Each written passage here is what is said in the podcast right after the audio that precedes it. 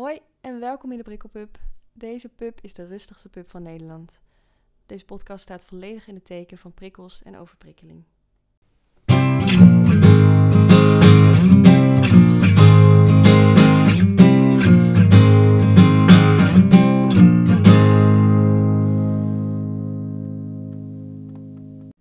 Superleuk dat je weer luistert naar de Prikkelpub. We zijn nog steeds eh, in een online pub en ik heb vandaag een ontzettend leuke gast. Ehm, ik ben super vereerd dat zij eh de gast wil zijn in mijn pub. Ze is illustrator, kattenmoeder van Loki, eh, woonachtig in Deventer en eigenaar van het account Hoogsensitief Leven op Instagram, waar ze dingen deelt over een hooggevoelige introvert zijn eigenlijk. Eh Jelma, welkom! Ja, hi.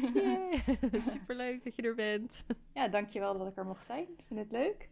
Echt superleuk. Ja, want we, we kennen elkaar eigenlijk ehm, via, eh, via Tara, denk ik eigenlijk, hè? Ja, misschien wel, ja. Ja, tenminste, ja, ik, volgens mij volgde ik jou al langer. Maar Tara die zei toen van, volgens mij hebben jullie wel iets met elkaar, moeten jullie gaan podcasten. Nou, goed idee van Tara. ja, dus dank Tara.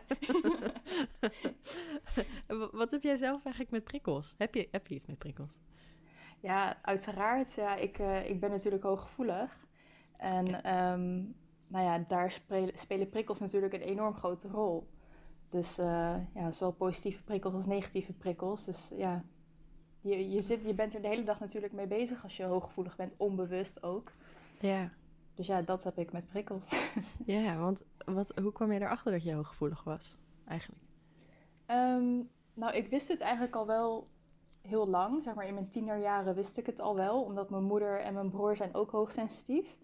Dus ehm, ja, daar wist ik het al van. Maar de, het kwartje viel voor mij pas echt toen ik ehm, een paar jaar geleden via de bedrijfarts in een centrum terechtkwam voor ehm, chronische pijnklachten. Dus ik had altijd hoofdpijn en, en buikpijn en zo. En die had mij toen doorverwezen naar zo'n centrum. En toen werd ik helemaal gescreend door een, eh, een psycholoog, een eh, dokter en eh fysiotherapeut. En die psycholoog die vertelde mij toen dat de link tussen eh, mijn klachten en hooggevoeligheid, dat die er nog wel eens zou kunnen zijn. Zeg maar dat mijn klachten eh, Ja. ja, daar vandaan zouden komen of versterkt zouden worden in ieder geval. En toen is het kwartje voor mij pas echt gevallen. Daarvoor had ik er nooit wat mee gedaan of nooit echt bij stilgestaan. Ik wist het wel in mijn achterhoofd, maar ja, nooit wat mee gedaan. Dus toen, eh, vanaf toen, dus echt sinds twee, tweeënhalf jaar of zo, dat ik er echt pas actief iets mee doe, dat ik het weet, zeg maar. Ja, precies. Ah, dat is wel best wel grappig. Meestal hoor je zo'n ontdekkingsverhaal van... wat is er toch met me aan de hand? De diagnoses en diagnoses en dan ineens eh, de ontdekking hoogsensitief. Maar jij wist het dus eigenlijk al heel lang, maar was gewoon normaal eigenlijk. Ja, Ja. ja. ja ik, ik heb natuurlijk vroeger bijvoorbeeld op de middelbare school wel heel erg dat gehad. Dat ik dacht van, nou, waarom ben ik zo gevoelig? Of waarom heb ik altijd hoofdpijn? Of moeite Ja. met, de- met de uren op school, weet je wel. Eh, Ik vond het soms altijd moeilijk vol te houden, zo'n hele week. En dan ook nog huiswerk en toetsen. En, Ja. en terwijl veel van mijn klasgenoten dat makkelijk aankonden, zeg maar. Oh, En toen, toen dacht ik altijd van, nou, misschien ben ik niet slim genoeg. Of, maar ja, daar lag het dus niet aan. Het lag gewoon puur aan dat ik school zo overwhelming vond, zeg maar. En dat, dat realiseer ik me nu pas eigenlijk. Ja. En hoe ben je daar doorheen gekomen dan? Gewoon met Ja. veel doorzettingsvermogen of... Ja, ik heb, ik heb wel doorzettingsvermogen, maar eh, ja, ik, ik moest op een gegeven moment ook afstromen omdat ik te vaak ziek was geweest. Dus daar baalde ik wel heel erg van. Ik deed altijd heel erg mijn best, maar eh, ja, dan op de vakken waar ik dan ja, sowieso al niet goed in was, zeg maar wiskunde en natuurkunde en zo, daar ben ik dan Ja. op, daar moest ik op afstromen, zeg maar. Maar ik heb me er uiteindelijk wel goed doorheen geworsteld. Maar eh, Goed zo. soms met wat pijn en moeite. Ja. ja. Klinkt voor mij ook heel herkenbaar. Je zegt wiskunde natuurkunde. ja, Het zijn de leuke vakken. nou enorm, ja. ja. ja, want jij hebt veel meer met creativiteit. Daar gaan we het eh, zo uitgebreid ook over hebben. Ehm, maar ik ben eerst even kort benieuwd. Ik vraag altijd aan mijn gasten: eh, wat is voor jou een fijne prikkel en wat is voor jou een minder fijne prikkel? Ehm, nou, eh, ik denk dat er voor mij heel veel fijne prikkels zijn, zolang ze maar in ehm, of met mate zijn. Dus bijvoorbeeld, ik vind, ik vind bijvoorbeeld een goed gesprek, daar kan ik helemaal van opleven. Maar als het weer te zwaar of te lang duurt, dan, dan, dan Ja. is het weer een negatieve prikkel voor mij. Maar ik vind het bijvoorbeeld ook heerlijk om in, in de natuur te lopen of eh, weet je wel, de zon op je gezicht, dat soort prikkels, daar, daar leef ik helemaal van Ja. op. Ja. Eh, en je kat. Ja. ja, mijn kat, ja, zeker. Absoluut. Meestal hebben we wel een, eh, een, een kattengast die uh, ergens... Uh, het meeste, meeste van mijn gasten hebben iets met dieren. En die doet dan soms wel eens even een kleine feature... dat hij even langskomt of iets... nou, hij komt vast zo meteen nog wel langs wandelen... want hij is super nieuwsgierig. Oh ja, leuk. Heel leuk. Of je hoort in één keer in de achtergrond dat er wat omvalt of een raar geluid. Nou, dan weet je dat het Loki is. Ja, precies. Vestigt. is, is leuk voor, voor de beelddenker dat je gewoon in je woonkamer zit. En ja, ik zie jou en jij ziet mij. Maar uh, jouw woonkamer ziet er heel gezellig uit. En dan uh, komt er straks misschien een kat zo... Uh, ja, achter je langslopen door de keuken. Ja, precies. Hier zit de keuken en daar mag hij eigenlijk niet op. Maar hij weet als ik me omdraai dat hij er dan uh, wel op kan. Want dan kijk ik niet. Oh ja. dus wie weet. ja. We zullen het zien. Leuk. En de, en de minder, ja. ja. minder fijne prikkels zijn dus als het te lang duurt of negatief is, zeg maar. Ja, vooral als dingen te zwaar zijn. Dus als ik bijvoorbeeld te, te heftige gesprekken te lang heb... of bijvoorbeeld een, een, een film heb gekeken die heel zwaar en lang duurt... weet je wel, dan, dan krijg ik snel hoofdpijn of word ik snel moe. Uh, ja, maar terwijl ik, ik kan bijvoorbeeld ook heel erg genieten van wel films en documentaires... en ze hoeven echt niet allemaal licht voor mij te zijn... Maar ja, vaak is het gevolg dan wel dat ik um, ja, wel hoofdpijn heb. Ja, precies. Ja. ja. En, en kies je dan wel bewust, uh, richt je dan bewust je leven zeg maar in uh, naar, naar aanleiding van prikkels die je fijn vindt en minder fijn of zo? Um, ja, dat denk ik wel. Ja, vooral nu ik uh, eigen baas ben, zeg maar, kan ik natuurlijk helemaal mijn eigen tijd en mijn eigen dag inplannen. En dat is echt super fijn. Dus als ik bijvoorbeeld een, een dag heb dat ik wat veel heftige prikkels heb, dan compenseer ik het weer de volgende dag of in de avond door dan even niks te doen of lekker in bad te gaan. Of uh, weet je wel. Dus ja. ja, heerlijk. Ja. ja, want je, je begon, je vertelde, je werkte eerst voor een reclamebureau. Ja. Uh, en, de, en daar ben je twee jaar geleden mee gestopt of één jaar geleden? Uh, nee, één jaar geleden. Afgelopen maart was het een jaar geleden dat ik wow. daar uh, weg moest. Ja. Nog korter zelfs, ja. Ja. ja. En uiteindelijk ben je helemaal voor jezelf begonnen als illustrator. Ja, ik had uh, afgelopen februari bestond mijn eigen bedrijf vier jaar alweer. Dus ik ben er mee begonnen toen ik in het laatste jaar van mijn studie zat. En ik heb het er altijd een beetje bij gedaan. Dus heel af en toe een opdrachtje of een keer een logo voor iemand maken.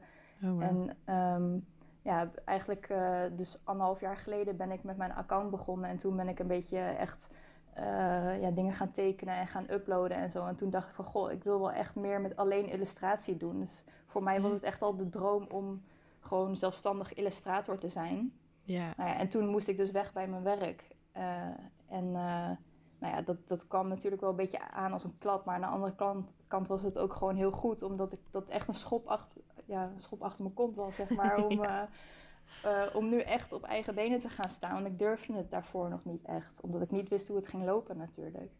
Ja, precies. En dan moet je wel. Het is een beetje een soort uh, nudge van... oké, okay, dit is nu de kans om het te gaan doen. ja, precies. Als er, als er één goed moment was, dan was het deze. Ja. Alhoewel was het natuurlijk wel een beetje een rare tijd nu met corona natuurlijk. Dat niet veel mensen zaten te wachten op een nieuw logo of een nieuwe illustratie. Of, uh, ja. ja, want het dus één deel wat je doet is, dat is dus voor opdrachtgevers eigenlijk. En het andere deel is je, zijn je eigen boeken en, uh, en je account, zeg maar. Op, ja, hoogsensitief leven. Ja. ja. Oh, die combinatie is ook wel heel leuk. Ja, ja zeker. En uh, nu um, ben ik ook begonnen met fotografie. Dus dat is ook nog wel een droom van mij oh, om dat, zeg maar, babyfotografie ja. te doen. Dus daar ben ik ook weer een beetje mee bezig. Dus het valt allemaal een beetje in die hoek. Maar het is allemaal ja, net een beetje anders, wat het dus wel heel leuk en divers maakt. Ja, precies. Ik bied bij deze vast even een baby, mijn baby aan. Maar, uh... nou, kom graag langs. Ik heb nog veel te oefenen. en um, ja, uh, hoe, hoe ben je eigenlijk begonnen met je account uh, Hoogsensitief Leven? Ja, ik, uh, ik ben dus nu, nou ik denk, nou nog geen anderhalf jaar, maar iets langer dan een jaar geleden begonnen met het, het account Hoogsensitief Leven. Mm -hmm. Toen ik nog werkte, dus bij mijn vorige werk. En um, eigenlijk omdat ik merkte dat ik uit mijn omgeving, dus zowel op werk, maar ook vroeger met stages en vrienden, heel veel uh, onbegrip had voor ehm, ja, hoe ik me voelde. Weet je, dan kreeg ik vaak de opmerking van: oh, Ben je nou alweer ziek? Heb je nou alweer geen zin om af te spreken? Weet je wel, waarom ga je niet mee naar die borrel? Uh, weet je wel, dat soort dingen. En ik werd er gewoon een beetje gek van en ik wist niet wat ik met mijn gevoel moest. En vooral toen ik ehm, dus bij de bedrijfarts uh, was geweest, toen vielen er dus allemaal dingen op zijn plek voor mij. Dat ik dacht, oh, goh, ik moet hier wat mee. En toen dacht ik, ja, uh, ik kan wel blogs gaan schrijven of zo. Maar dacht ik, ja, dan doe ik dat één of twee keer en dan, dan weet ik niks meer. Want ik ben natuurlijk niet echt een schrijver, maar meer een visueel persoon, zeg maar. Dus uh, toen dacht ik, nou, ik ga erover tekenen en dan zie ik wel. En toen dacht ik, ja, dit kan ik de tekeningen kan ik plaatsen op mijn account die ik al had. Dus die van Jelma Design. Maar toen dacht ik van ja, dat is niet echt de doelgroep. En ja, wat zullen mensen denken, weet je wel. Um, nou, toen heb ik dus een, een ander account aangemaakt. Eerst nog anoniem.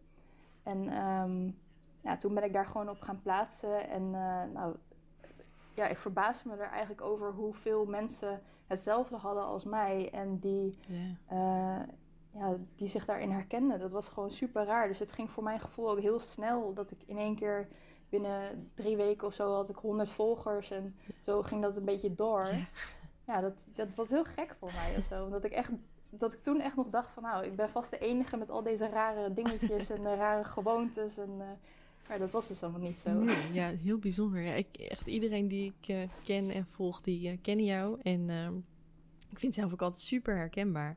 Echt, ook omdat je heel veel deelt over introvert zijn en uh, uh, hoe je met dingen omgaat. Of dat je eigenlijk nou ja, dingen die we dan allemaal van binnen voelen, maar niet hardop zeggen of, of niet zo uiten of zo. zoals lekker thuis zijn, knus en gewoon weinig prikkels. Ja, ja, ik vind dat echt heel leuk om te zien. Want ja, dat, daardoor voel ik mezelf ook wat minder raar, zeg maar. En het is ook leuk om te zien dat, dat andere mensen dat ook tegen mij zeggen. Ik krijg echt super vaak berichtjes van, van goh Weet je wel, ik voel me eindelijk niet zo, zo raar dat jij, omdat jij dit en dit en dat ook hebt. En uh, ik dacht echt dat ik de enige was. En uh, ja, dat is gewoon heel grappig. Ja, precies. Want hoe, hoe merkte jij, ja, wat merk jij dat je, aan jouw prikkelgevoeligheid uh, in je lijf of je hoofd of emoties? Of waar, waar merk jij dat aan? Um, nou, ik merk het heel erg aan mijn energielevel vooral. Dus ik ben heel gauw moe, bijvoorbeeld na een dag. Bijvoorbeeld stel ik ben naar een pretpark geweest, zeg maar wat, of een event of zo, dan ben ik de volgende dag gewoon helemaal kapot. En dan heb ik echt gewoon rust nodig. En uh, bijvoorbeeld na een dag werken, nou, dan moet er niet aan denken om dan s'avonds nog af te spreken. Meestal tenminste. Dus dan, dan wil ik gewoon liever gewoon op de bank zitten met een niets aan de hand filmpje en uh, lekker kopje thee, zeg maar. En, ja, en verder merk ik het ook heel erg in bijvoorbeeld als ik zenuwachtig ben of als ik stress heb of zo, dan voel ik het in mijn buik. Dus dan heb ik buikpijn, hoofdpijn, word ik misselijk. Uh, ja, dat, daar, daar voel ik het het meeste in, vooral in mijn buik ook. Ja, precies. Je hebt ook prikkelbare darmen. Ja. Ja, ja, dat heb ik ook inderdaad. Het is altijd uh, een goede ook indicatie als er iets is dat je denkt, hé, hey, mijn buik zegt iets. Hm? Ja, absoluut, ja. Ja, het is heel duidelijk. Ja, je buik is ook je, je tweede brein, zeggen ze altijd. Hè? Ja, dus, precies. ja, dat is echt uh, zo. Heb jij nog speciale dingen die je doet om, die jou helpen daarin? Of? Voor mijn buik bedoel je? Ja. Um, ja, ik, ik heb wel uh, bijvoorbeeld dingen zoals Iberogast en zo. Ik weet niet of je dat kent. Oh ja, ja, ja, precies. ja, dat, dat helpt mij nog wel eens. Ja, precies. Of uh, nou, in thee drinken, weet je wel, dat soort dingen. Gewoon mezelf een beetje kalmeren. Dat, dat is het enige wat helpt. Of douchen of zo. Ja. Maar ja, als ik echt super zenuwachtig ben en ik heb echt last van mijn buik, dan kan er echt niks tegen helpen. Ik weet niet hoe, of dat bij jou ook zo is, maar mijn buik is heel eigenwijs. Ja, oh, ik heb echt verhalen. Maar ik weet niet of de luisteraars erop zitten te wachten. Maar ik, had als, ik, heb er, ik ben er wel een beetje overheen gegroeid op een of andere manier. Maar als kind had ik heel veel last van mijn darmen. En had ik echt gewoon altijd zo'n gasbuik. En dan kon ik het soms niet inhouden. En dan liet ik ergens een scheet. En dan dacht ik echt nee, oh. En dan werd het alleen maar erger. En nog meer pijn. En, en nog meer schaamte. En dan, ja, nee, dat soort Och, dingen. Ja. ja, echt heel leuk. Ja, dat, dat heb ik dan nog meer met boeren en zo. Ik heb het heel erg in oh, mijn maag. Dus dan, dan, oh, dan ben ik misselijk en dan... Uh, ja, dus daarom heb ik eigenlijk altijd smint op zak. Echt oh, iedereen die mij kent, die weet, die weet ook dat ik altijd smintjes heb. Dat helpt mij echt tegen de misselijkheid. En als ik zenuwachtig ben, dan vreet ik zo een half pakje ja, smint op, bij wijze van. Ja, dat deed ik vroeger ook altijd in de brugklas met kauwgom. Dan oh, dat pakje kauwgom. Oh, en als hij dat niet bij me had, dan werd ik helemaal, uh, helemaal gestrest en zo. Ik moest altijd uh, kauwgom kauwen, ja. Ja. ja, dat mocht dan niet eens in de klas, in ieder geval bij mij. Nee, nee, precies. Bij ons ook niet. Nee. Ja, ik deed hem dan wel eens zo achter in mijn kies. eh, en dan plakte ik hem zo op mijn achterkiezen vast. en dan na de Oh, les ja. weer verder kwamen. Ja. maar goed. Nu al een leuk gesprek dit. Ja. Heel smakelijk. ja, precies.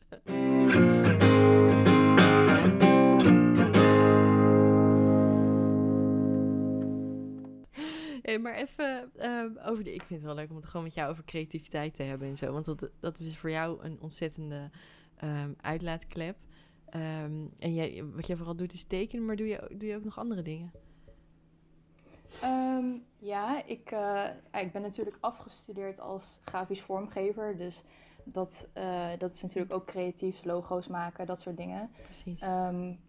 Maar ja, naast dat eh, ben ik ook wel veel met muziek bezig. Ik heb nu afgelopen jaar heb ik een ukulele gekocht. Dus daar eh, Ah, cool. ben ik lekker veel mee bezig en aan het oefenen. En eh, ja, dat eigenlijk. En ik vind andere dingen ook wel leuk, bijvoorbeeld haken en zo. Maar dat, daar heb ik niet genoeg geduld voor om dat echt goed te leren, zeg maar. Nee, precies. Ja, Gewoon leuk om af en toe te doen. ja precies. Ja. Ja, En, en het helpt jou heel erg om je gevoel om kwijt te kunnen, zeg maar. Ja, ja, vooral het illustreren nu met, eh, met de stripjes voor hoogsensitief leven. Die, die doe ik eigenlijk altijd op gevoel. Dus eh, als ik iets voel of iets denk of ik zit juist niet zo lekker in mijn vel, dan ga ik juist tekenen en eh, ja, illustreren wat ik voel. En dan, dan daarna dan voelt het gewoon al een stuk lichter. Ook als ik het heb geplaatst of zo en ik zie van reacties van mensen dat zij dat ook hebben. Of eh, ja, op die manier dan, dan helpt dat mij gewoon heel erg. Ook gewoon het tekenen zelf is natuurlijk ook al een beetje ja. Gewoon ja, rustgevend, zeg maar. Een beetje gewoon lekker in een, in een bubbel zitten tekenen. En eh, Precies. Ja, Ja. maar je, Ja. ja. je, je doet het dus echt vanuit je gevoel. Je haalt geen Ja, verhalen op bij anderen of eh, eh, situaties of dat, je, dat je een gesprek met iemand hebt en denkt, oh, dit, eh, dit hebben veel HSP's of zo.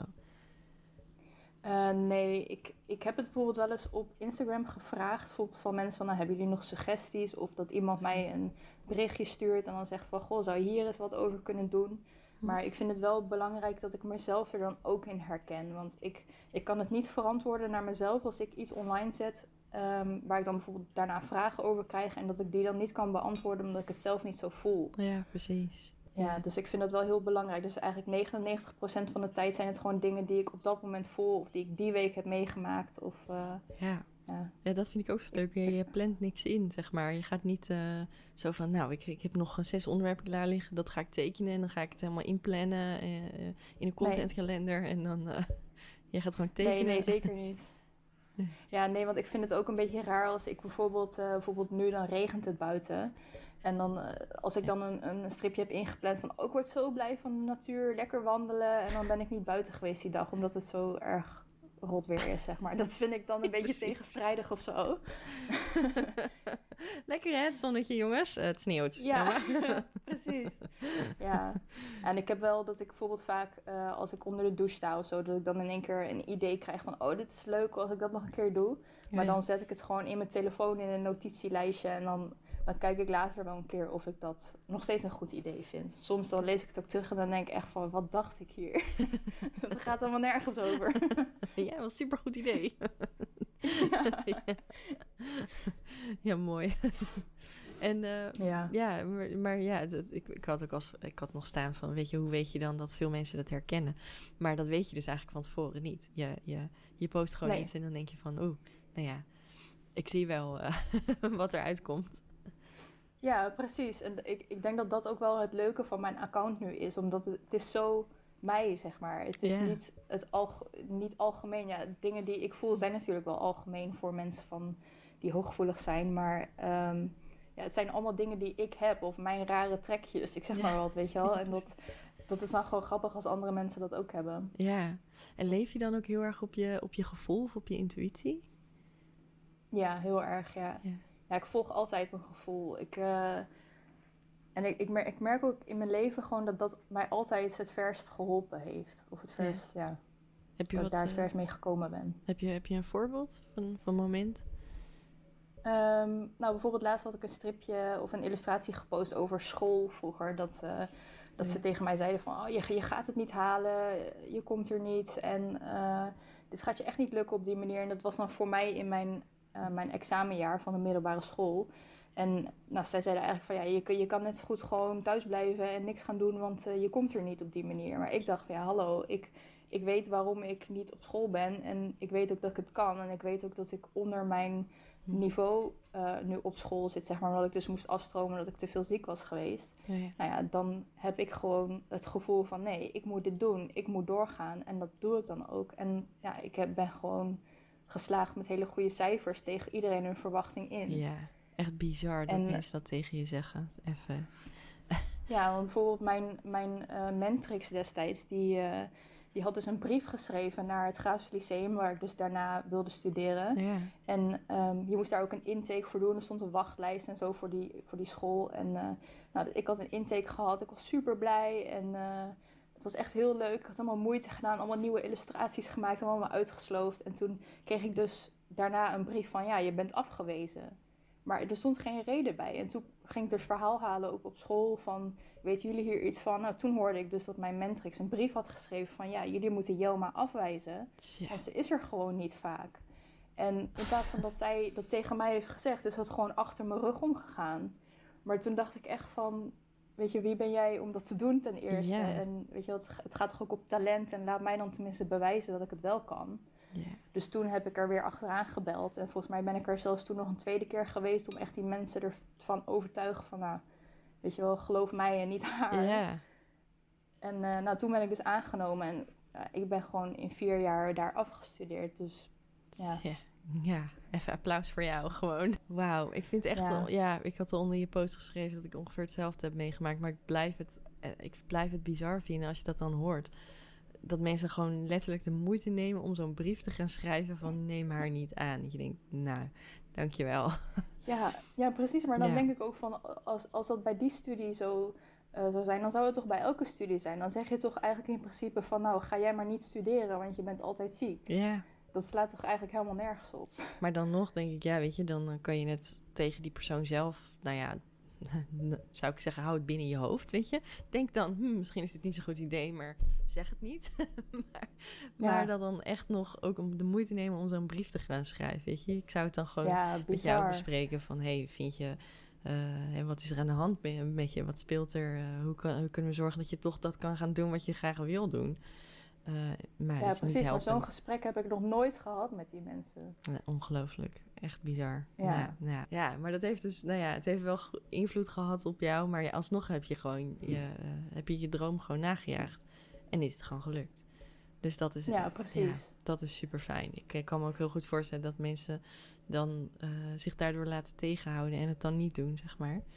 Uh, maar ja, gelukkig heb jij wel je gevoel gevolgd en ben je dat gaan doen. Ja, precies. Maar dat, dat komt dus echt door mijn intuïtie. Omdat ik gewoon wist van, dit is gewoon iets wat ik wil doen. En dan ga ik er gewoon voor. En linksom of rechtsom, ik kom er toch wel. Weet je, als je dat gevoel gewoon hebt, dan kom je gewoon heel ver. Maar ik weet zeker dat heel veel mensen die bijvoorbeeld uh, ook hooggevoelig zijn, maar die nog wat twijfelen over wat ze later willen doen, dat zij zich wel hadden laten tegenhouden. En dat is gewoon zo zonde. Dat, dat, dat soort mensen die zeg maar wel heel extravert zijn of heel, juist helemaal niet gevoelig zijn, dat, dat, dat die dat soort mensen tegenhouden. Terwijl ze totaal niet weten hoe, hoe gevoelige mensen in elkaar zitten, zeg maar. Want ik weet niet of dat bij jou ook zo is, maar bij mij komen sommige opmerkingen heel hard binnen altijd. Vooral vroeger toen ik een puber was. Ik nam me alles persoonlijk aan. En ik, dacht direct van, nou, dan ben ik niet goed genoeg. Of uh, weet je wel. En uh, ja, dat, dat komt eigenlijk voornamelijk door mensen die dus niet gevoelig zijn. Of niet op die manier Ik heb ook het idee dat gevoelige mensen dat soort mensen vaak aantrekken of zo. Of juist uh, de botte opmerkingen en de ik niet elke. Eh, ik ooit heb begrepen, je hebt twee soorten HSP's die met uh, heel veel trauma en die, die, uh, die dat niet hebben, zeg maar.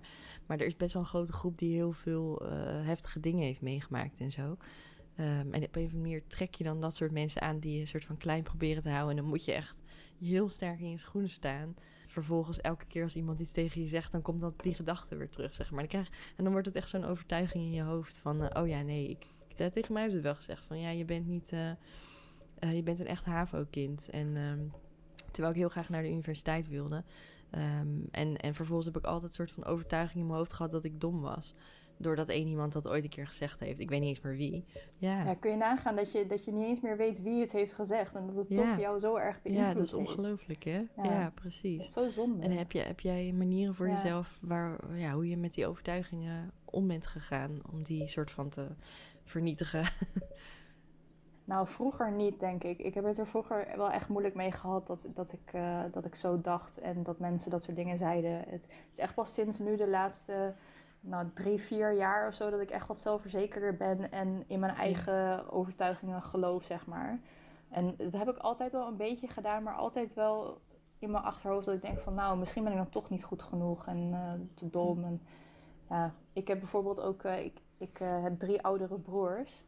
Nee, maar zij, zij hebben alles dus super makkelijk gehaald. En weet je wel, universiteit. En toen, nou, dan kwam ik aan met mijn... ik ben begonnen op HAVO-VWO, maar toen ben ik blijven zitten in de tweede. Want nou, ik vond mijn klas niet leuk en ik was eh, helemaal overweldigd door school en dit en dat. En eh, nou ja, toen, toen heb ik dus altijd gedacht van... Nou, ik, ik zal wel het domme schaapje van de familie zijn, weet je wel. Ja. Want, eh, want ik ben de enige die niet gymnasium doet en de enige die niet universiteit kan afronden en zo. En, Ja. maar kijk, nu weet ik dat dat, dat dat niks over mijn niveau zegt. Want ik kon prima leren. Ik, weet je wel, ik ben echt niet dom en dat weet ik nu van mezelf.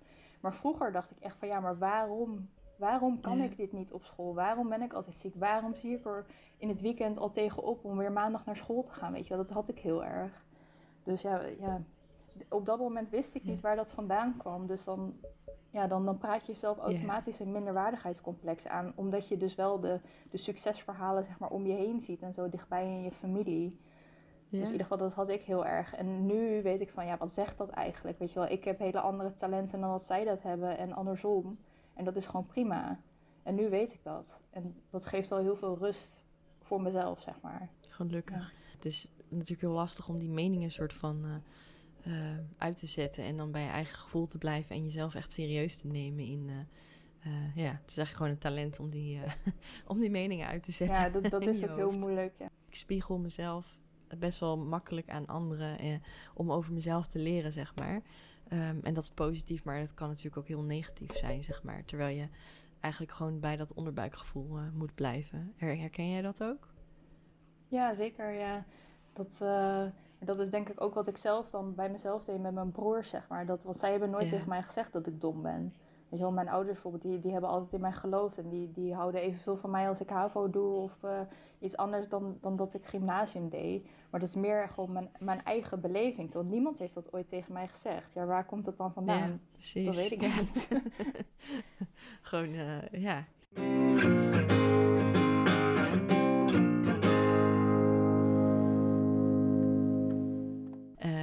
Heb je ook Ja. het idee dat jou, dan jouw hooggevoeligheid jouw creativiteit versterkt, zeg maar? Ehm, ja, dat, dat denk ik wel. Want het is natuurlijk ook een, ja, bij de meeste HSP'ers wel een eigenschap dat je, dat je extra creatief bent. Mhm.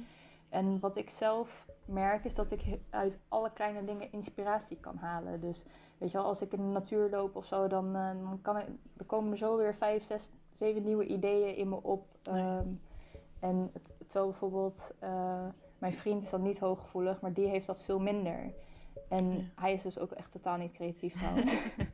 maar maar ik, ik heb dus heel erg dat ik uit alles inspiratie haal en dat ik daarmee dus dat om kan zetten in creativiteit. Of dat ik een, een eh, creatieve oplossing vind voor iets anders Ja. waar hij bijvoorbeeld een technische oplossing voor zou hebben, weet je wel.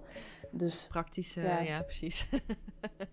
Ja, precies. Hij is wat meer van, eh, weet je wel, één lijn rechtdoor. En ik ben misschien wel met wat meer omweggetjes, maar ik kom op hetzelfde uit. Merk je dat ook eh, eh, in huis of zo?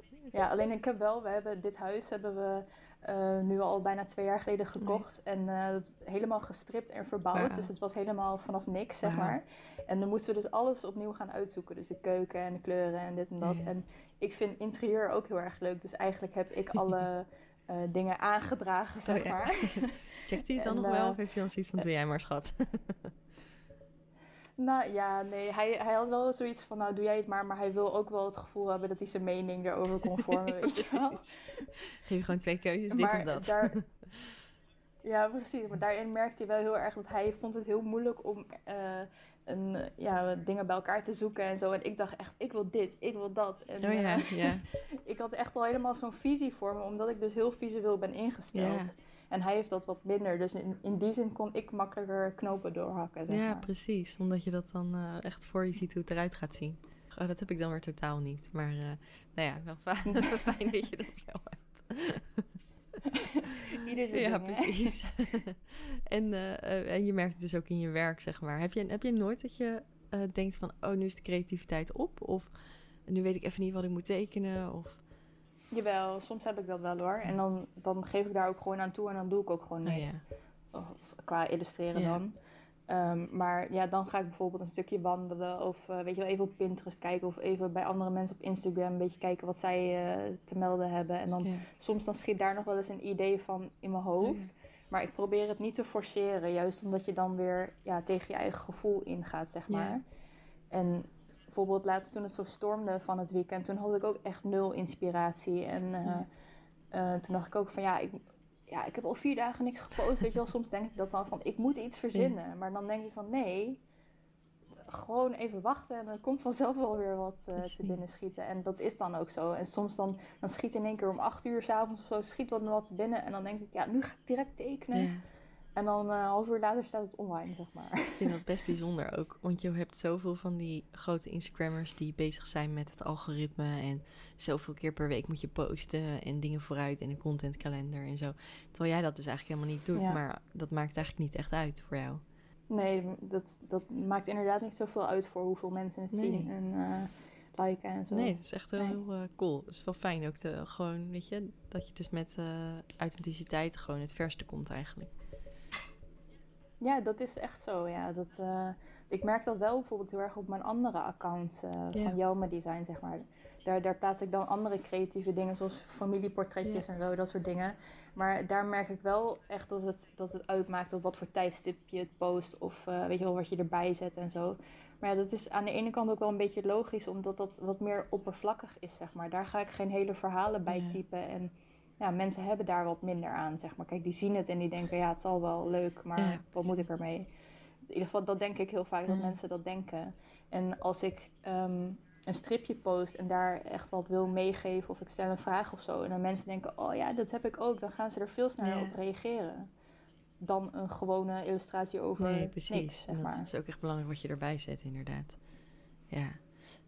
Zijn er voor jou Ja. nog nadelen van eh, hooggevoelig zijn? Ehm, ja, ik denk wel dat die er zijn. Eh, eh, bijvoorbeeld wat ik net zei, dat je heel snel dingen aantrekt als mensen wat zeggen. Of eh, dat je snel moe bent, heb ik dan tenminste. Dat, eh, dat dingen snel in mijn hoofd zitten. Weet je. Ik, ik, ik ben echt een super slechte slaper of Oh slaapvaller, zeg maar. dat zit al, ik, ik moet echt YouTube kijken of eh, Instagram doorscrollen met mijn gedachten op nul, zeg maar, wil ik Ja. gewoon in slaap vallen, omdat ik anders gek word van mijn eigen gedachten. En dan, dan is het zo drie, vier uur, maakt niet uit hoe, hoe moe ik ben, dan val ik gewoon niet in slaap. En dat is wel echt iets wat ik heel irritant vind oh aan ja. mezelf. Heb je, heb je dan ook dat je bezig bent met meditatie-apps of eh, ontspanningsoefeningen of iets om dat eh, rustiger te krijgen? Heb ik wel geprobeerd. Ik heb laatst eh, de Netflix-serie eh, Guide to Meditation Oh ja. of zo eh, gezien. ik heb wel gehoord, maar nog niet gezien. Van de makers Ja, van. Headspace. Ja, die, die vond ik wel heel leuk, heel mooi en leuk gedaan, zeg maar. Het is ook helemaal geïllustreerd, het is ook een leuk stijltje. En het zijn, volgens mij zijn het acht afleveringen of zo. En dan elke aflevering gaan ze, of belichten ze een andere vorm van Oh, mediteren, zeg maar. En ja, dat vond ik wel heel leuk. Alleen, ik merk wel dat als ik dat alleen doe, dat ik echt super snel ben afgeleid. Dus dan mijn gedachten schieten echt van hot naar her, zeg maar. En ehm, ja, dan, dan op zo'n moment ben ik misschien wel even rustig. Maar op het moment dat ik klaar ben en dan denk ik, nu ga ik Ja. echt slapen. Dan, ja, dan krijg ik alsnog weer mijn drukke gedachten. Of krijg ik een liedje in mijn hoofd, Ja. zeg maar wat, weet je wel. En dan, Maar waarschijnlijk Ja. is... eh zo gaat het dan door. Dus? Nee, ik wil zeggen van, maar de- uiteindelijk schiet je er zeg maar niks mee op. Ik, ik in ieder geval. Ik moet gewoon zo moe zijn, mijn ogen moe maken en dan Ja, val ik in slaap. Ik heb nog geen remedie gevonden. Waarschijnlijk is dat ook weer... Ja, ik vind altijd mediteren is, is fijn. Maar ik heb bijvoorbeeld ook, ik vind mediteren ook op mijn scooter rijden. Eh, maar waarschijnlijk heb jij dat met tekenen of creatief bezig zijn, dat je, dat je dan weer heel erg stil in je, in je hoofd, uh, stilte in je hoofd hebt, zeg maar. Ja, ja, ik heb dat ook bijvoorbeeld heel erg met wandelen of sporten of zo. Tegenwoordig uh, ben ik uh, veel aan het touwtje springen en aan het uh, ja. mijn conditie aan het werken en zo. En dan, dan ben ik wel wat lichter, ja, lichter in mijn hoofd eigenlijk. Ben je ook zo'n hula hooper of niet? Of, nou, dat heb ik vroeger wel heel veel gedaan, maar oh, ik heb ja, op dit tof. moment geen. Is wel heel leuk. Ja, heb jij er wel een? Uh, nee, ik heb er nu geen, maar ik heb het ook heel vroeg, heel uh, vaak gedaan. Maar ik zie inderdaad wat mensen, uh, hoopfluencers zijn, die dan met, met die hula hoepen. en dan denk ik, ja, het is eigenlijk best wel leuk. Ik heb het wel één keer gedaan, um, ik denk twee jaar geleden of zo. De laatste keer dat ik aan het optreden was met, met muziek, zeg maar. Um, daar was ook een hula hoop cursus. Maar ik dacht echt van, oh, dit doe je nog wel even. Maar het was echt vet moeilijk. Oh, echt ja? Goh, misschien zou ik het ook niet meer kunnen dan, dat weet ik niet. ik had dat laatst ook, ging, was ik met mijn vriend aan het wandelen en toen zei ik ineens van, nou zou ik nog een ratslag kunnen? Dat heb ik vroeger ook heel veel gedaan. En toen dacht ik van, nou, oh, ja? ik ga het gewoon doen. nou, ik kon het nog wel, maar het viel me wel tegen. maar het is veel zwaarder, denk ik, of niet? Ja, precies. Ja. Ik, wanneer heb ik dan voor het laatst een ratslag gedaan? Misschien in groep 8 of zo. Ja, oh, dat nou, ging ik ook met... 30 uh... kilo geleden. geleden. precies. Ja, dat is het vaak, hè. Ik ging ook ja. op zo'n uh, op zo'n rekstok. Ik dacht, eh, vroeger dan ging je gewoon zo eindeloos van die... Uh, hoe heet dat? Koppelen. Duiken, Koppel. zeg maar. Ja, Koppel, ja, dat was het. ja. ja, en ik, ik ging daar een keertje op en dacht, ah, mijn heupen, mijn buik, echt, alles ging kapot. oh ja, ik herken het hoor. dus dan denk ik toch dat gewicht, wat je als kind niet ja, hebt. dat zal wel, ja. En kijk, dan doe je het natuurlijk super vaak. En wanneer doe je dat nu nog? Weet je, je spieren ja. zijn er natuurlijk niet aan gewend om uh, dat soort rare bewegingen te maken. Ik had dat ook heel erg met touwtjes springen. De eerste twee keer dat wij gingen touwtjes springen, was ik helemaal kapot. Ik heb echt een, een week gewoon, ja, echt een week gewoon zere kuiten gehad. En uh, terwijl vroeger, kan ik me echt herinneren, was ik echt gewoon uren aan een touwtje springen, aan het hoepen, rennen, skileren. En uh, ja. had ik echt een topconditie. Maar nu is mijn conditie zo slecht. Dus en energie ook, ook als kind. Ja. Ja. ja, ondanks dat je HSP bent of niet. Maar ik, ik vond dat ook, zeg maar, als kind. Ik gewoon uren buiten spelen. Nou, nu denk ik echt... Uh, ja. Nee. nee, nou precies. ik, ik ben altijd een kleuter van binnen. En uh, ik ben altijd voor mij gewoon dat we meer moeten spelen. En meer gewoon dat uit je hoofd en zorgeloos en zo.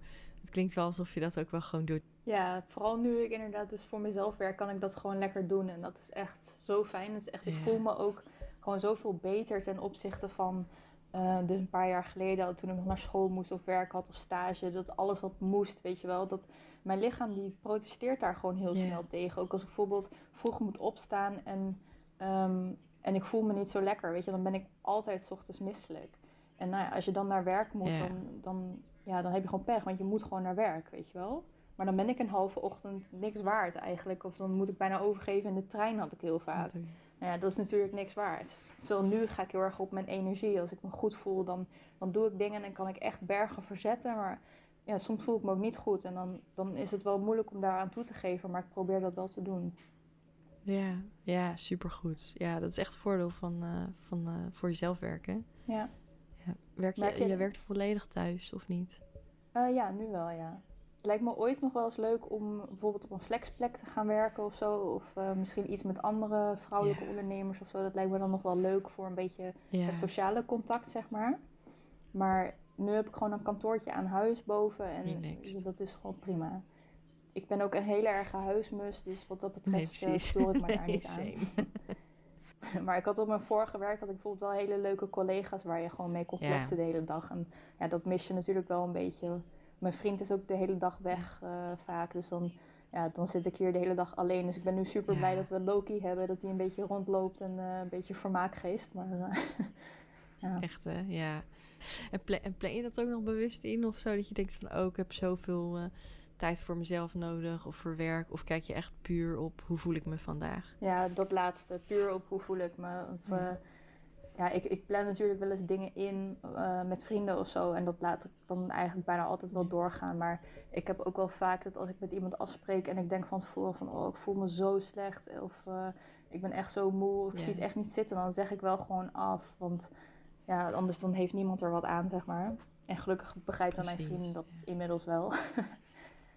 Dat is vooral heel fijn, ja. Ja. Ja, ik, heb dat, ik herken dat ook wel heel erg hoor. Dat ik, ja, ik, ik, ik ben dus HSP en ik ben eh, chronisch ziek. En ik heb echt zo vaak de eerste paar jaar dat ik dat wist. En had ik echt ook gewoon zoiets van...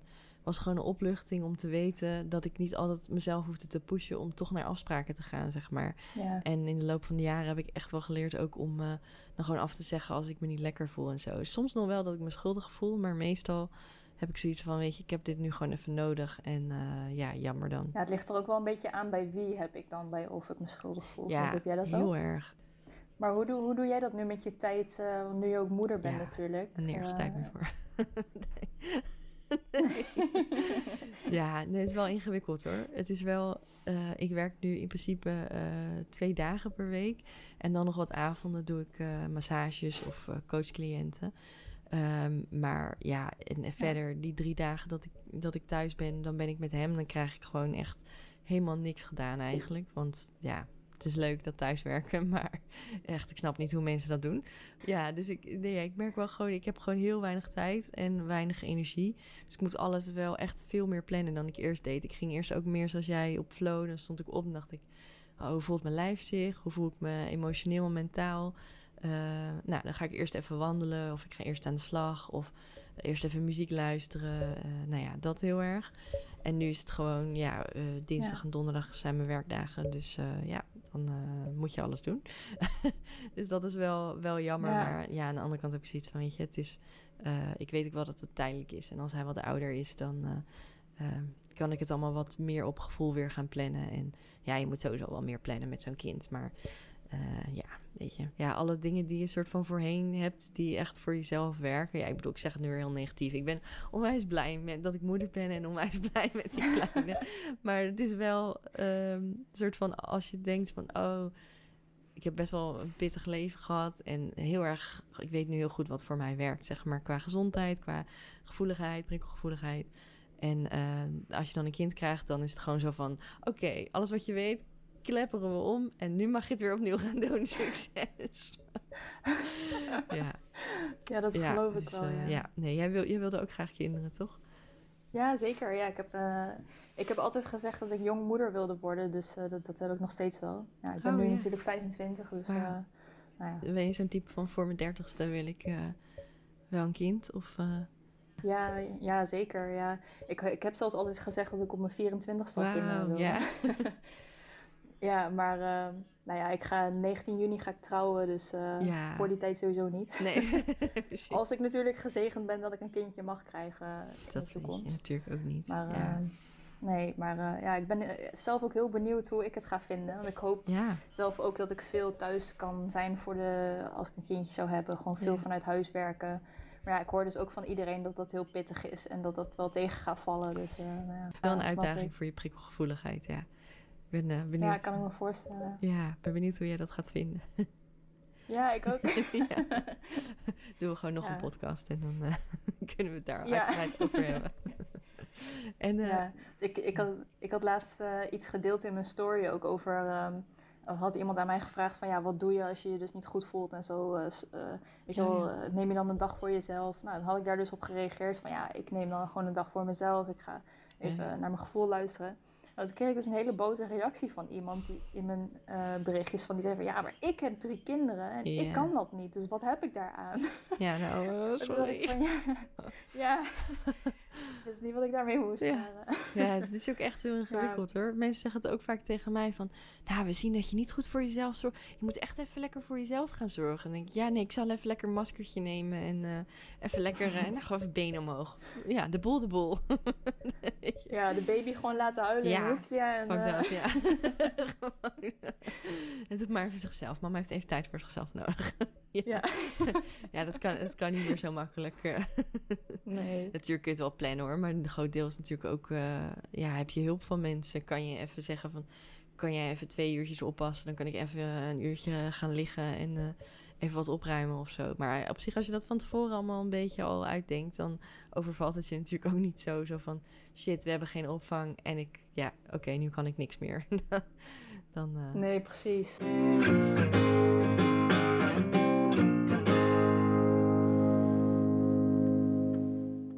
En, uh, ja, je had het net over een beetje ook de nadelen van HSP en uh, gevoelige buik en zoiets. Um, jij herkent ook best wel uh, dat jij faalangst hebt gehad, toch?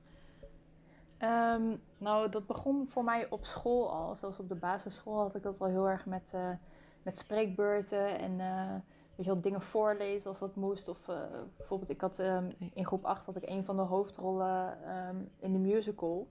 En uh, ik, ik, vond het super leuk, maar ik vond het ook doodeng, weet je wel. En ik dacht altijd wel, oh, ik kan het niet, ik wil niet in een belangstelling staan. En mm. ja, op de middelbare school had je dat natuurlijk nog erger, met nog meer spreekbeurten en mondelingen en dat soort dingen. Yeah. Dus toen is dat een beetje aangewakkerd. En um, ja, ik heb er eigenlijk altijd last van gehad. Maar nu de laatste paar jaar ga ik, probeer ik er wel van af te komen. Dus ook bijvoorbeeld door dit soort dingen te doen. Als je tegen mij had gezegd twee jaar geleden dat ik dit zou doen, dan had ik je echt uitgelachen. en je doet het zo makkelijk.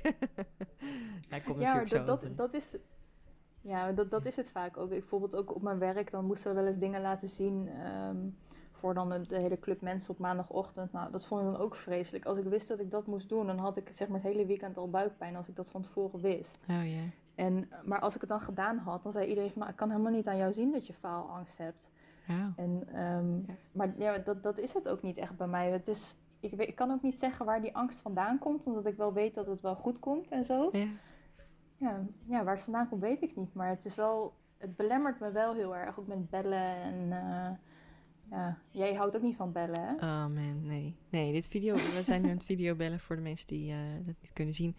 Uh, maar dat vind ik nog wel, dat vind ik wel oké. Maar echt bellen, of, of, spontaan, ik weet ook sowieso alle spontane dingen. Als iemand spontaan voor je deur staat, of je spontaan opbelt of zo, dan ben ik altijd zo van, nee. Ja, nee. ja, dat heb ik ook. Ja, je kon ook gewoon soms naar je telefoon kijken, toch? Als die overging, dat je zo, nope. Ja. Ik heb ook wel eens als mensen mij aan het appen zijn of zo, vriendinnen, en dat ze dan zeggen van, nou, ik bel je wel even. Dan denk ik echt, oh, nee. Waarom? Dat is niet nodig. Waarom? We kunnen ook appen. Ja. ja. Nee, ja, nee, echt precies dat waarom. Inderdaad, is niet nodig of zo. Ja, nee, ik was even op de wc of zo. Dat is echt ja, precies. Ja. Nee, sorry, ik zit in bad. Ik ga even ja. Okay. precies. kan niet. ja, ik had laatst ook met een cliënt, Ja. die uh, had ik gebeld en die uh, wilde niet, uh, die nam niet op. Toen zei later wel heel, gelukkig heel eerlijk zo van, nou, ik vind het fijner om te appen, dan kan ik opener en meer mezelf zijn. Dus dacht ik, nou, goed gezegd, doen we dat gewoon. Prima, vind ik ook prima. ja. Ja. Ja, als Ja. het werkt, dan werkt het. Ja, heb Is je wel eens dat je tegen onbegrip Ja. aanloopt wat dat soort dingen betreft? Of... Ja, ja, absoluut. Ik had bijvoorbeeld laatst nog eh, een aanvraag van iemand voor eh, ook illustraties en eh, op zich een leuke opdracht. Nou, dan heb ik met veel tegenzin me er overheen gezet om te bellen, zeg maar. Nou, leuk gesprek. En ehm, ja, toen belde zij mij elke keer voor echt alles. Terwijl ik dacht van, nou, ik wil het liever via de mail of zo. Nou, dan loop ik er wel heel erg tegenaan dat het voor mij gewoon niet werkt, omdat ik me dan continu zenuwachtig voel of zo. Ik heb dan de hele tijd het gevoel van, oh, ze belt weer of eh, hoe, weet je wel. En Ehm, nou ja, voor mensen die niks anders doen dan bellen om het kleinste dingetje, die vinden dat natuurlijk raar als ik dat niet fijn vind. Ja, precies. Of bijvoorbeeld met, met ziek melden op school of zo. Dat vond ik ook altijd een enorm ding om naar school te bellen. Weet je wel, dat soort dingen. Dat, eh, ja, dat vond ik vreselijk. Ja, echt. Oh, dat is zo herkenbaar. Ja, als, als het puntje bij paaltje komt, zeg maar, als je dan wel belt, dan valt het altijd mee. ja, In ieder geval heb ik. ik. Ik heb nog nooit een super ongemakkelijk gesprek gehad waarvan ik zou moeten denken van nou, dit is de reden dat ik belangst heb. nee, precies. En vaak is het ook sneller natuurlijk wel dan eh, mailen. Je hebt natuurlijk meteen een antwoord en eh, dat Ja. is ook wel fijn. Ja. ja, nee, heel herkenbaar. Ik ben benieuwd of er meer mensen zijn die luisteren die dat ook herkennen. Belangst en eh, of podcastangst, Ja. vlogangst. Ik vind, ja, precies. hoor. Ik vind het gewoon zo fijn om bijvoorbeeld aan een appje of aan een mail... dat je gewoon even rustig kan nadenken over je woorden. Dat je een zin nog even aan kan passen. Of dat je denkt van, oh, dit komt een beetje raar over. Nou, laat ik het net wat anders zeggen. En bij mij komt de angst ook heel erg uit dat ik eh, bang ben dat ik iets verkeerd zeg. Of dat ik een blackout krijg. Of Ja. dat ik iemand niet versta. Of dat ik, er, dat ik voor een groep sta en dat mensen me dom vinden of zo. Weet je wel? ja. Daar komt het denk ik Het is heel erg op jezelf eigenlijk, eh, met jezelf te maken eigenlijk meer dan dus- met de ander. Ja, precies. Echt een beetje onzekerheid denk ja, ik. precies. Ja, dat herken ik ook wel. Nou wat, wat ik wel vind dat helpt is... ehm, ja, ik, ik doe zelf heel veel met lichaamsbewustzijn of zo. Maar als ik echt heel erg met mijn aandacht in mijn lijf zit... dan eh, kom ik ja, makkelijker uit mijn woorden, zeg maar. Dan komt er vanzelf een antwoord... in plaats van dat ik er dan heel erg over na ga denken... of eh, angstig ben of zo. Dus dat, ja, dat is wel iets wat wel geholpen heeft. Maar alsnog... Ja, ik hou gewoon niet van bellen. dan moet je ook gewoon Nee. dan toegeven. Nee, ik hou er gewoon niet van. Laten we het gewoon niet doen. Nee, precies. ja, maar heb je dan ook hoe vaker je het doet dat je het makkelijker dan gaat vinden? Of dat, Ja. vind je het gewoon elke keer gewoon verschrikkelijk blijven? Ehm, nou, het ligt wel aan hoe vaak ik het achter elkaar doe. Als je heel vaak eh, in korte tijd heel veel moet bellen, dan... Ik, ik, heb zelfs, ik heb zelfs twee jaar, nee, drie jaar als receptioniste, telefoniste gewerkt.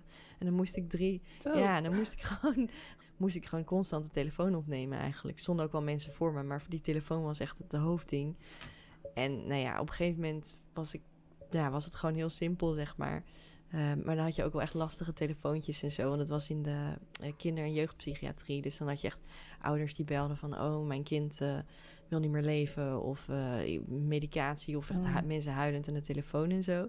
Dat was echt wel heel heftig. Maar dat ik dan Ja. gewoon niet wist wat ik soms moest zeggen. Maar niet meer dat ik bang was om een telefoontje op te nemen of zo. Dat, daar wen je er wel aan. Maar toen ik daar was gestopt, toen kwam de belangst weer helemaal terug. Dus... eh, Ja. ja.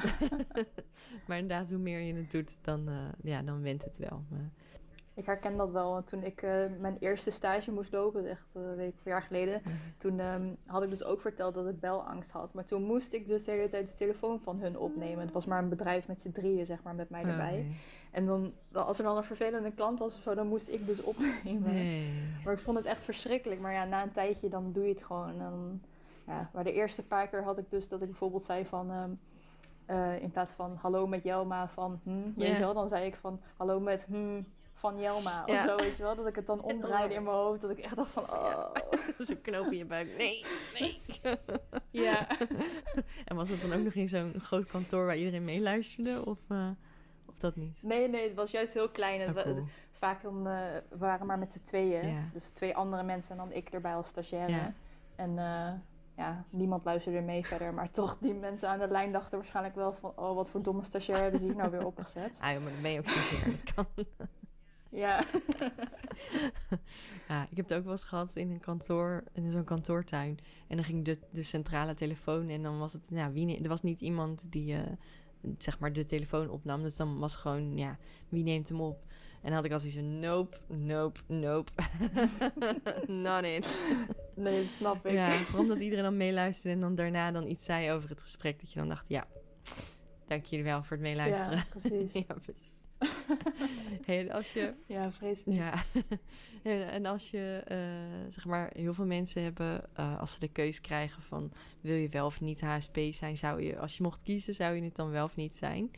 En dan kiezen toch heel veel HSP's ervoor om het liever niet te zijn, ook al kunnen ze er, zeg maar, heel goed mee omgaan en kunnen ze echt de krachten ervan inzetten. Wat zou jij zeggen op die vraag? Zou je wel of, lief, of niet eh, liever HSP willen zijn? Ehm, ik denk dat ik zou zeggen dat ik wel HSP zou willen zijn. eh, maar wel met de wetenschap die ik nu heb. Ja, Dus ehm, weet je wel hoe je je krachten eruit kan halen inderdaad. En hoe je ermee om kan gaan. En, want bijvoorbeeld op school heb ik er natuurlijk wel super veel last van gehad. En op werk en zo. ja, Maar als ik toen had geweten dat waar het vandaan kwam, dan ehm, had ik mezelf beter begrepen. En dan had heel wat, ehm, nou ja, zelfhaat wil ik niet zeggen, maar wel in die richting naar mezelf, negatieve dingen naar mezelf Ja. eh, geschild, zeg maar. precies. Ehm, maar nu, nu vind ik het mooi, want ik, bijvoorbeeld als ik vergelijk bijvoorbeeld met mijn vriend of weet je wel, dan, dan zie ik gewoon dat ik veel intenser kan genieten van dingen waarvan hij bijvoorbeeld zegt van ja, oké, weet je wel, bijvoorbeeld de eerste krokusjes die uitkwamen of zo. En dan zat ik er met mijn neus bovenop van, oh moet je kijken, de eerste bloemetjes zijn er weer. weet je wel, en dan heeft hij zoiets van, ja, weet je, die komen er elk jaar, waar maak je je druk Ja. om? Prima, volgend jaar weer. Ja, precies. Maar dat vind ik dan wel heel leuk, dat ik van zulke kleine dingen heel erg blij kan worden, zeg maar. Dus dat, dat vind ik wel een mooie, mooie eigenschap. Ja, had je ook zo genoten met de sneeuw of, of dat dan weer niet? Je echt zo sneeuw? Ja, ja, zeker. ja, mijn familie verklaarde me een beetje voor gek, maar ik ging elke keer in de sneeuwbuien gewoon naar buiten om foto's te maken en een beetje er doorheen te banjeren en zo. Ja, ja, dat Had jij dat ook? Ja, nou nu wat minder moet ik zeggen hoor. Want ik vond het echt een gedoe met een wagen er doorheen proberen te komen. Ja, dat is logisch. En, uh, ja, nee, dat is niet fijn. Maar in principe, ja, ik, elk jaar uh, toen ik klein was wenste ik... Uh, ik ben op 6 januari jarig. En dan elk jaar wenste ik weer voor, voor sneeuw. En dan kwam het niet. En soms wel. En dan was ik helemaal... Oh. Dus nu was ik ook zo van ja. en dan ben je weer helemaal kleuter. ja. ja, precies. Het heeft gewoon iets magisch of zo als de hele wereld wit is. ja, niet, echt hè. Ja, hetzelfde met het lentegevoel. En iedereen vrolijk en iedereen lacht meer en zegt elkaar gedag. En dat je denkt, wauw, de wereld is mooi. Ja, de vogeltjes die fluiten. Ja, precies. Ik word soms zo mega blij als ik wakker word en ik hoor de vogels fluiten. Dan denk ik echt van, oh, het wordt een mooie dag. Terwijl andere mensen dan denken van, hey, ik werd weer wakker van die stomme vogels, weet je wel. ik kom hier van mijn rust. ja. Ja. Ja, dat vind ik ook mooi, die, die uh, opmerkingsbegaafdheid van HSP zijn, zeg maar. Dat je dan, ik zat laatst ook bij een vriend in de tuin en toen hoorde ik vogeltjes ook. En toen was ik ook echt zo van, oh vogeltjes, wat fijn en zo. En, en, en andere mensen die horen ze niet eens, of die horen ze en die hebben dan zoiets van, ja, die zijn er elke dag inderdaad. ja. ja. precies, ja. Ja, mooi. Fijn. Nou, ik, ik, ik denk dat ik je ga bedanken voor dit hele fijne gesprek. We zijn uh, inmiddels ja. alweer een tijdje aan het kletsen. En uh, ja, ik ben echt. Uh, ja, ik, ik vond het een heel fijn gesprek. En heel, ik heb ook nog weer dingen van je geleerd. Dus ja, echt. dankjewel dat je mijn gast wilde zijn. Ja, dankjewel dat ik er mocht zijn. Ik vond het ook een heel leuk gesprek. Fijn, fijn. Heb je nog dingen die je mee wil geven aan mensen? Of iets waarvan je denkt, dat moet ik nog gezegd hebben? Nou, uh, ik vind het belangrijk dat je je hart volgt. Dus dat zou ik aan iedereen meegeven. Luister naar je gevoel en uh, ja, zie de positieve dingen in van het leven, ook als het uh, tegen zit. En dan denk ik dat je heel ver kan komen. Mooi, ja, sluit ik me helemaal bij aan. Hoe moeilijk je verhaal ook is geweest, dat bepaalt niet hoe het nu verder gaat, denk ik ook. Ja.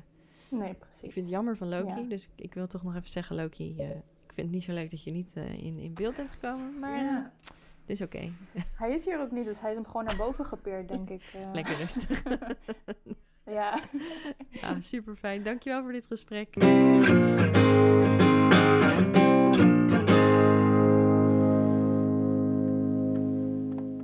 Lieve, lieve luisteraar, ik wil jou heel erg bedanken voor het luisteren naar deze aflevering. Ik hoop dat je er veel uit hebt gehaald, um, dat je het leuk vond en dat je hopelijk de volgende keer weer zult luisteren. Um, ik zou het super fijn vinden als je indien mogelijk een bijdrage kunt leveren aan deze podcast. Dat kun je doen via petje af slash prikkelpup, um, zodat ik mijn gasten eerlijk kan betalen uh, voor hun bijdrage en deze podcast gewoon kan blijven bestaan. Um, mocht het niet kunnen, snap ik natuurlijk ook. Uh, zou het super fijn zijn als je misschien iets zou kunnen zeggen over deze podcast op social media. Je vindt me onder de Prikkelpub op Facebook. En op Instagram is dat onder Praktijk Bright. B-R-I-G-H-T. Um, ja, dus dankjewel weer voor het luisteren. En ik hoop je de volgende keer weer te mogen verwelkomen in de Prikkelpub. Wie weet drinken we dan samen een Guinness.